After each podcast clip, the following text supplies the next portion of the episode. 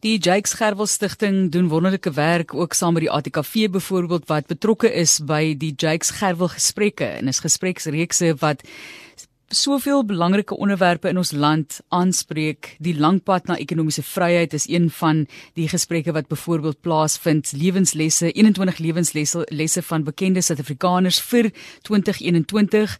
Daarso het ons nou vir Tembeletu Siyisi, Tuli Madonsela, Sandra Prinsloo is daarbey ingesluit, Rochelle Barish, Susan Boyens, die baie bekende joernalis.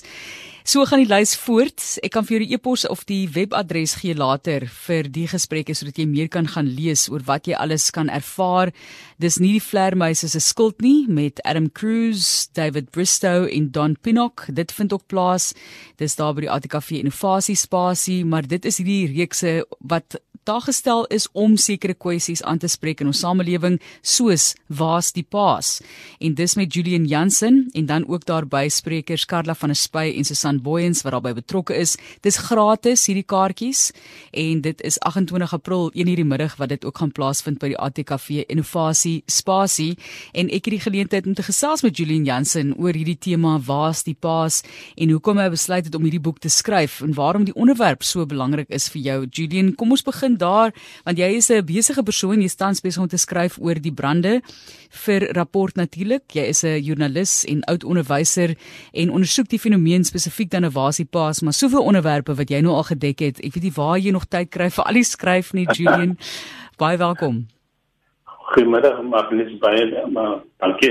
Lekker om te wees. Goed, jy kan vinnig nou-nou weer aan die werk spring met daardie brande wat die Kaap so sleg getref het, Julian, maar kom ons gesels oor Wasie Paas. Dit gaan natuurlik oor die feit dat soos jy sê met die statistiek 60% van kinders in Suid-Afrika ken hulle pa nie. So dit is wel 'n baie groot probleem. Hoekom het jy as skrywer en joernalis besluit om hierop te fokus? Absoluut, uh, Marlies, ek het skool geloop vir 18 jaar en ek het ek het in die voorste linie gevang geveg op beklei uh teen met met seuns aanvanklik wat kom van huis af wat ehm um, hulle kom kwaad skool toe en dan besef jy maar jy kan nie hierdie kind vir haar was hy werk en so nie. En ons dis 'n krisis en 'n krisis is my geleentheid om verandering teweeg te bring en ek het begin om met die seuns te werk en ek het myself vergewis aan die omstandighede waar ek gekom. Nou ek het in 'n skool gewerk wat waar kinders het wat ons noem 'n toksiese omgewing kom en daai omgewing impakteer op hoe hulle skool en opvoeding benader.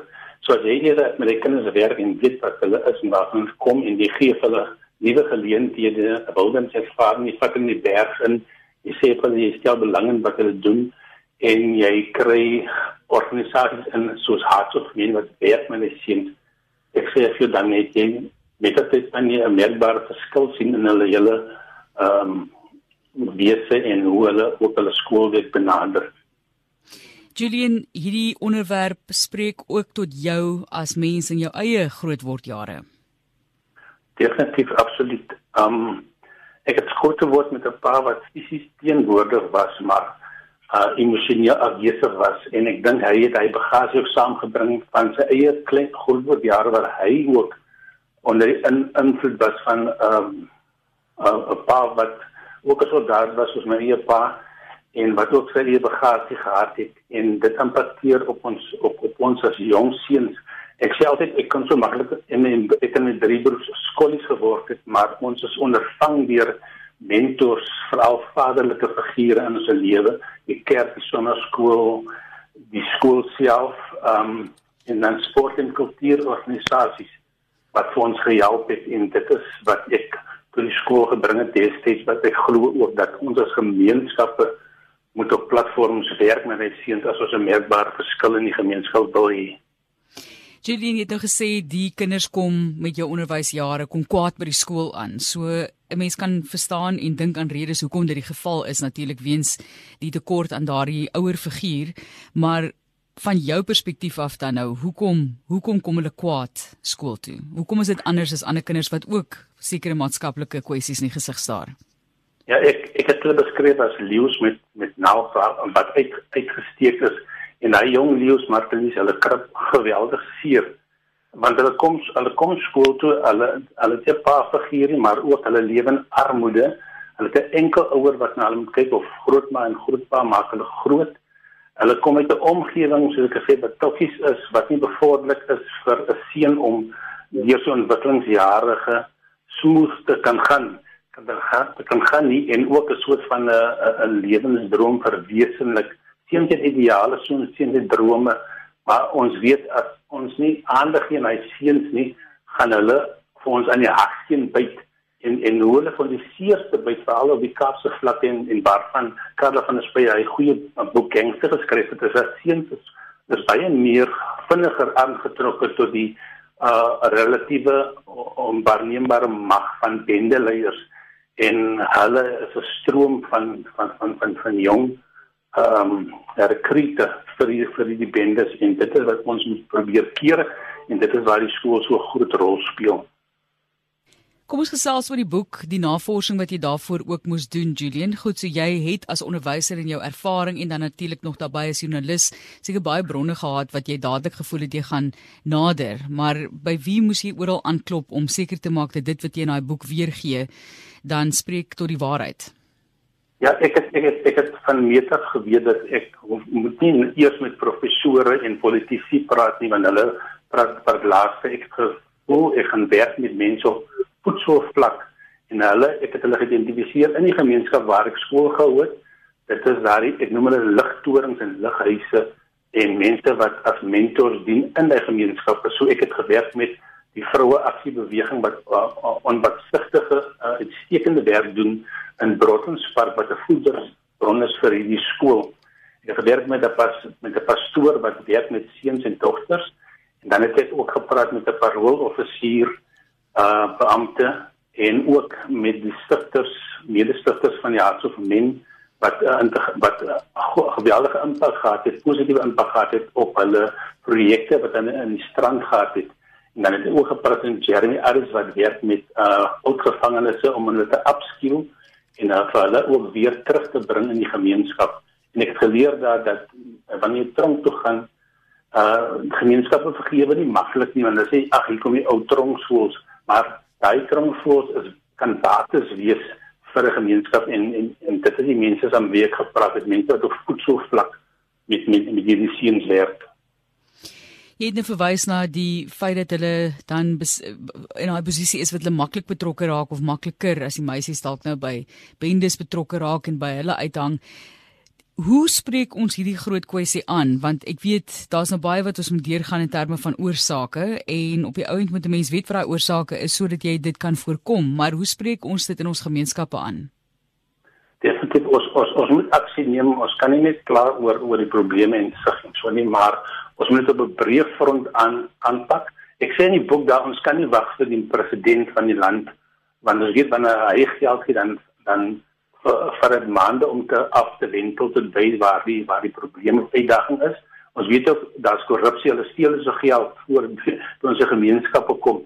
Ons moet as 'n gemeenskap uh, Afrika gesegde sê it takes a village to raise one child en dit is absoluut waar. So ons moet op 'n breë vlak uh, um, moet ons werk en ek sê daarso dat die skool is die tweede tuiste vir 'n kind, seun of dogter. Ons moet daar werk met programme uh, in plaas van hierdie kurrikulum fisiese kurrikulum basiese kurrikulum lewer maar dan moet die skool ook werk in samewerking saam met ander platforms in die gemeenskap soos jou kultuurverenigings jou sport uh raadslede moet moet moet 'n rol speel organisasies raads of men en ander organisasies wat werk met die jeug moet moet moet saamwerk ons moet hande vat. En ons kan nie uh, staat maak op op op 'n minister wat inkom en dan 'n paar pakkies uh, kos uitgee en foto's word gevat en word op sosiale media gedeel en daar word weg as die minister nie. Dit, dit is dit is nie impaktief nie. Ons moet die gemeenskap die oplossing die oplossing self lê binne die gemeenskap Nou wil ek net gefvinnig iets sê, jy weet mense praat van die feit dat hierdie kinders hierdie probleme het want paas is die Dani en tog doen baie ma's enkel ma's so baie werk en so baie moeite om kinders op die regte pad te probeer hou en veral dan nou in hierdie situasie waar seuns nie hulle paas ken nie, dogters nie hulle paas ken nie. So kom ons gesels oor die rol van enkelmaas en almal kan ook net doen wat hulle kan doen hulle beste doen sekere maas ons weet daar's 'n tekort ook verder soms maar wat is jou siening van enkelmaas in die rol wat hulle kan speel? Enkelmaas is my absoluut heroes en ek sê altyd ek sê in die boek ook dat enkel enkelmaas is baie sterk en slim en hulle weet dat hulle hulle beste gaan gee vir, vir hulle seun. Ehm um, dit is moeilik om 'n seun groot te maak want eh, 'n uh, kind die seun word groter en later staan hy amper bors en bors met ma.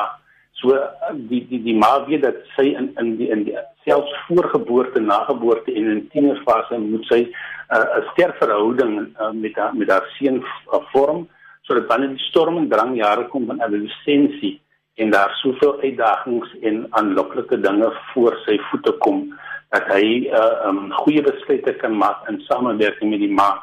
Maar die ma moet ook um, omring met ander positiewe rolmodelle. Ek sê altyd byvoorbeeld as die ma 'n tweede vriend of kerel kies, moet sy regtig maar nou slim slim kies want daar want daardie kerel kan in die toekoms dalk die haar eggenoot word.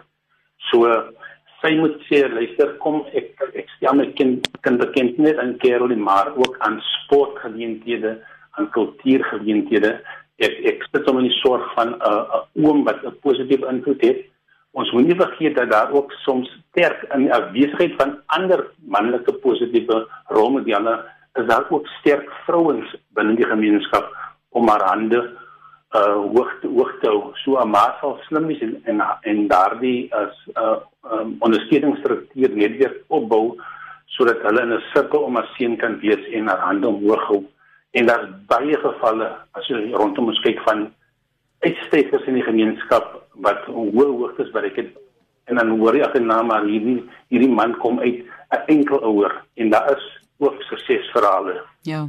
Kyk Julie, mens wil nou oplossings bied, nee, daar is oplossings, maar niks is regtig so eenvoudig nie. Ek dink nou byvoorbeeld jy sê die vrou met die regte tweede ou of man kies en so 'n wat na lewe inkom, maar baie van hierdie vrouens is eintlik geweldig blootgestel finansiëel, het geen finansiële onafhanklikheid gehad nie en werk reeds geweldig hard om net brood op die tafel te sit. Jy weet, so daardie tweede persoon help hulle ook finansiëel as mens nou regtig maar direk so daaroor wil praat.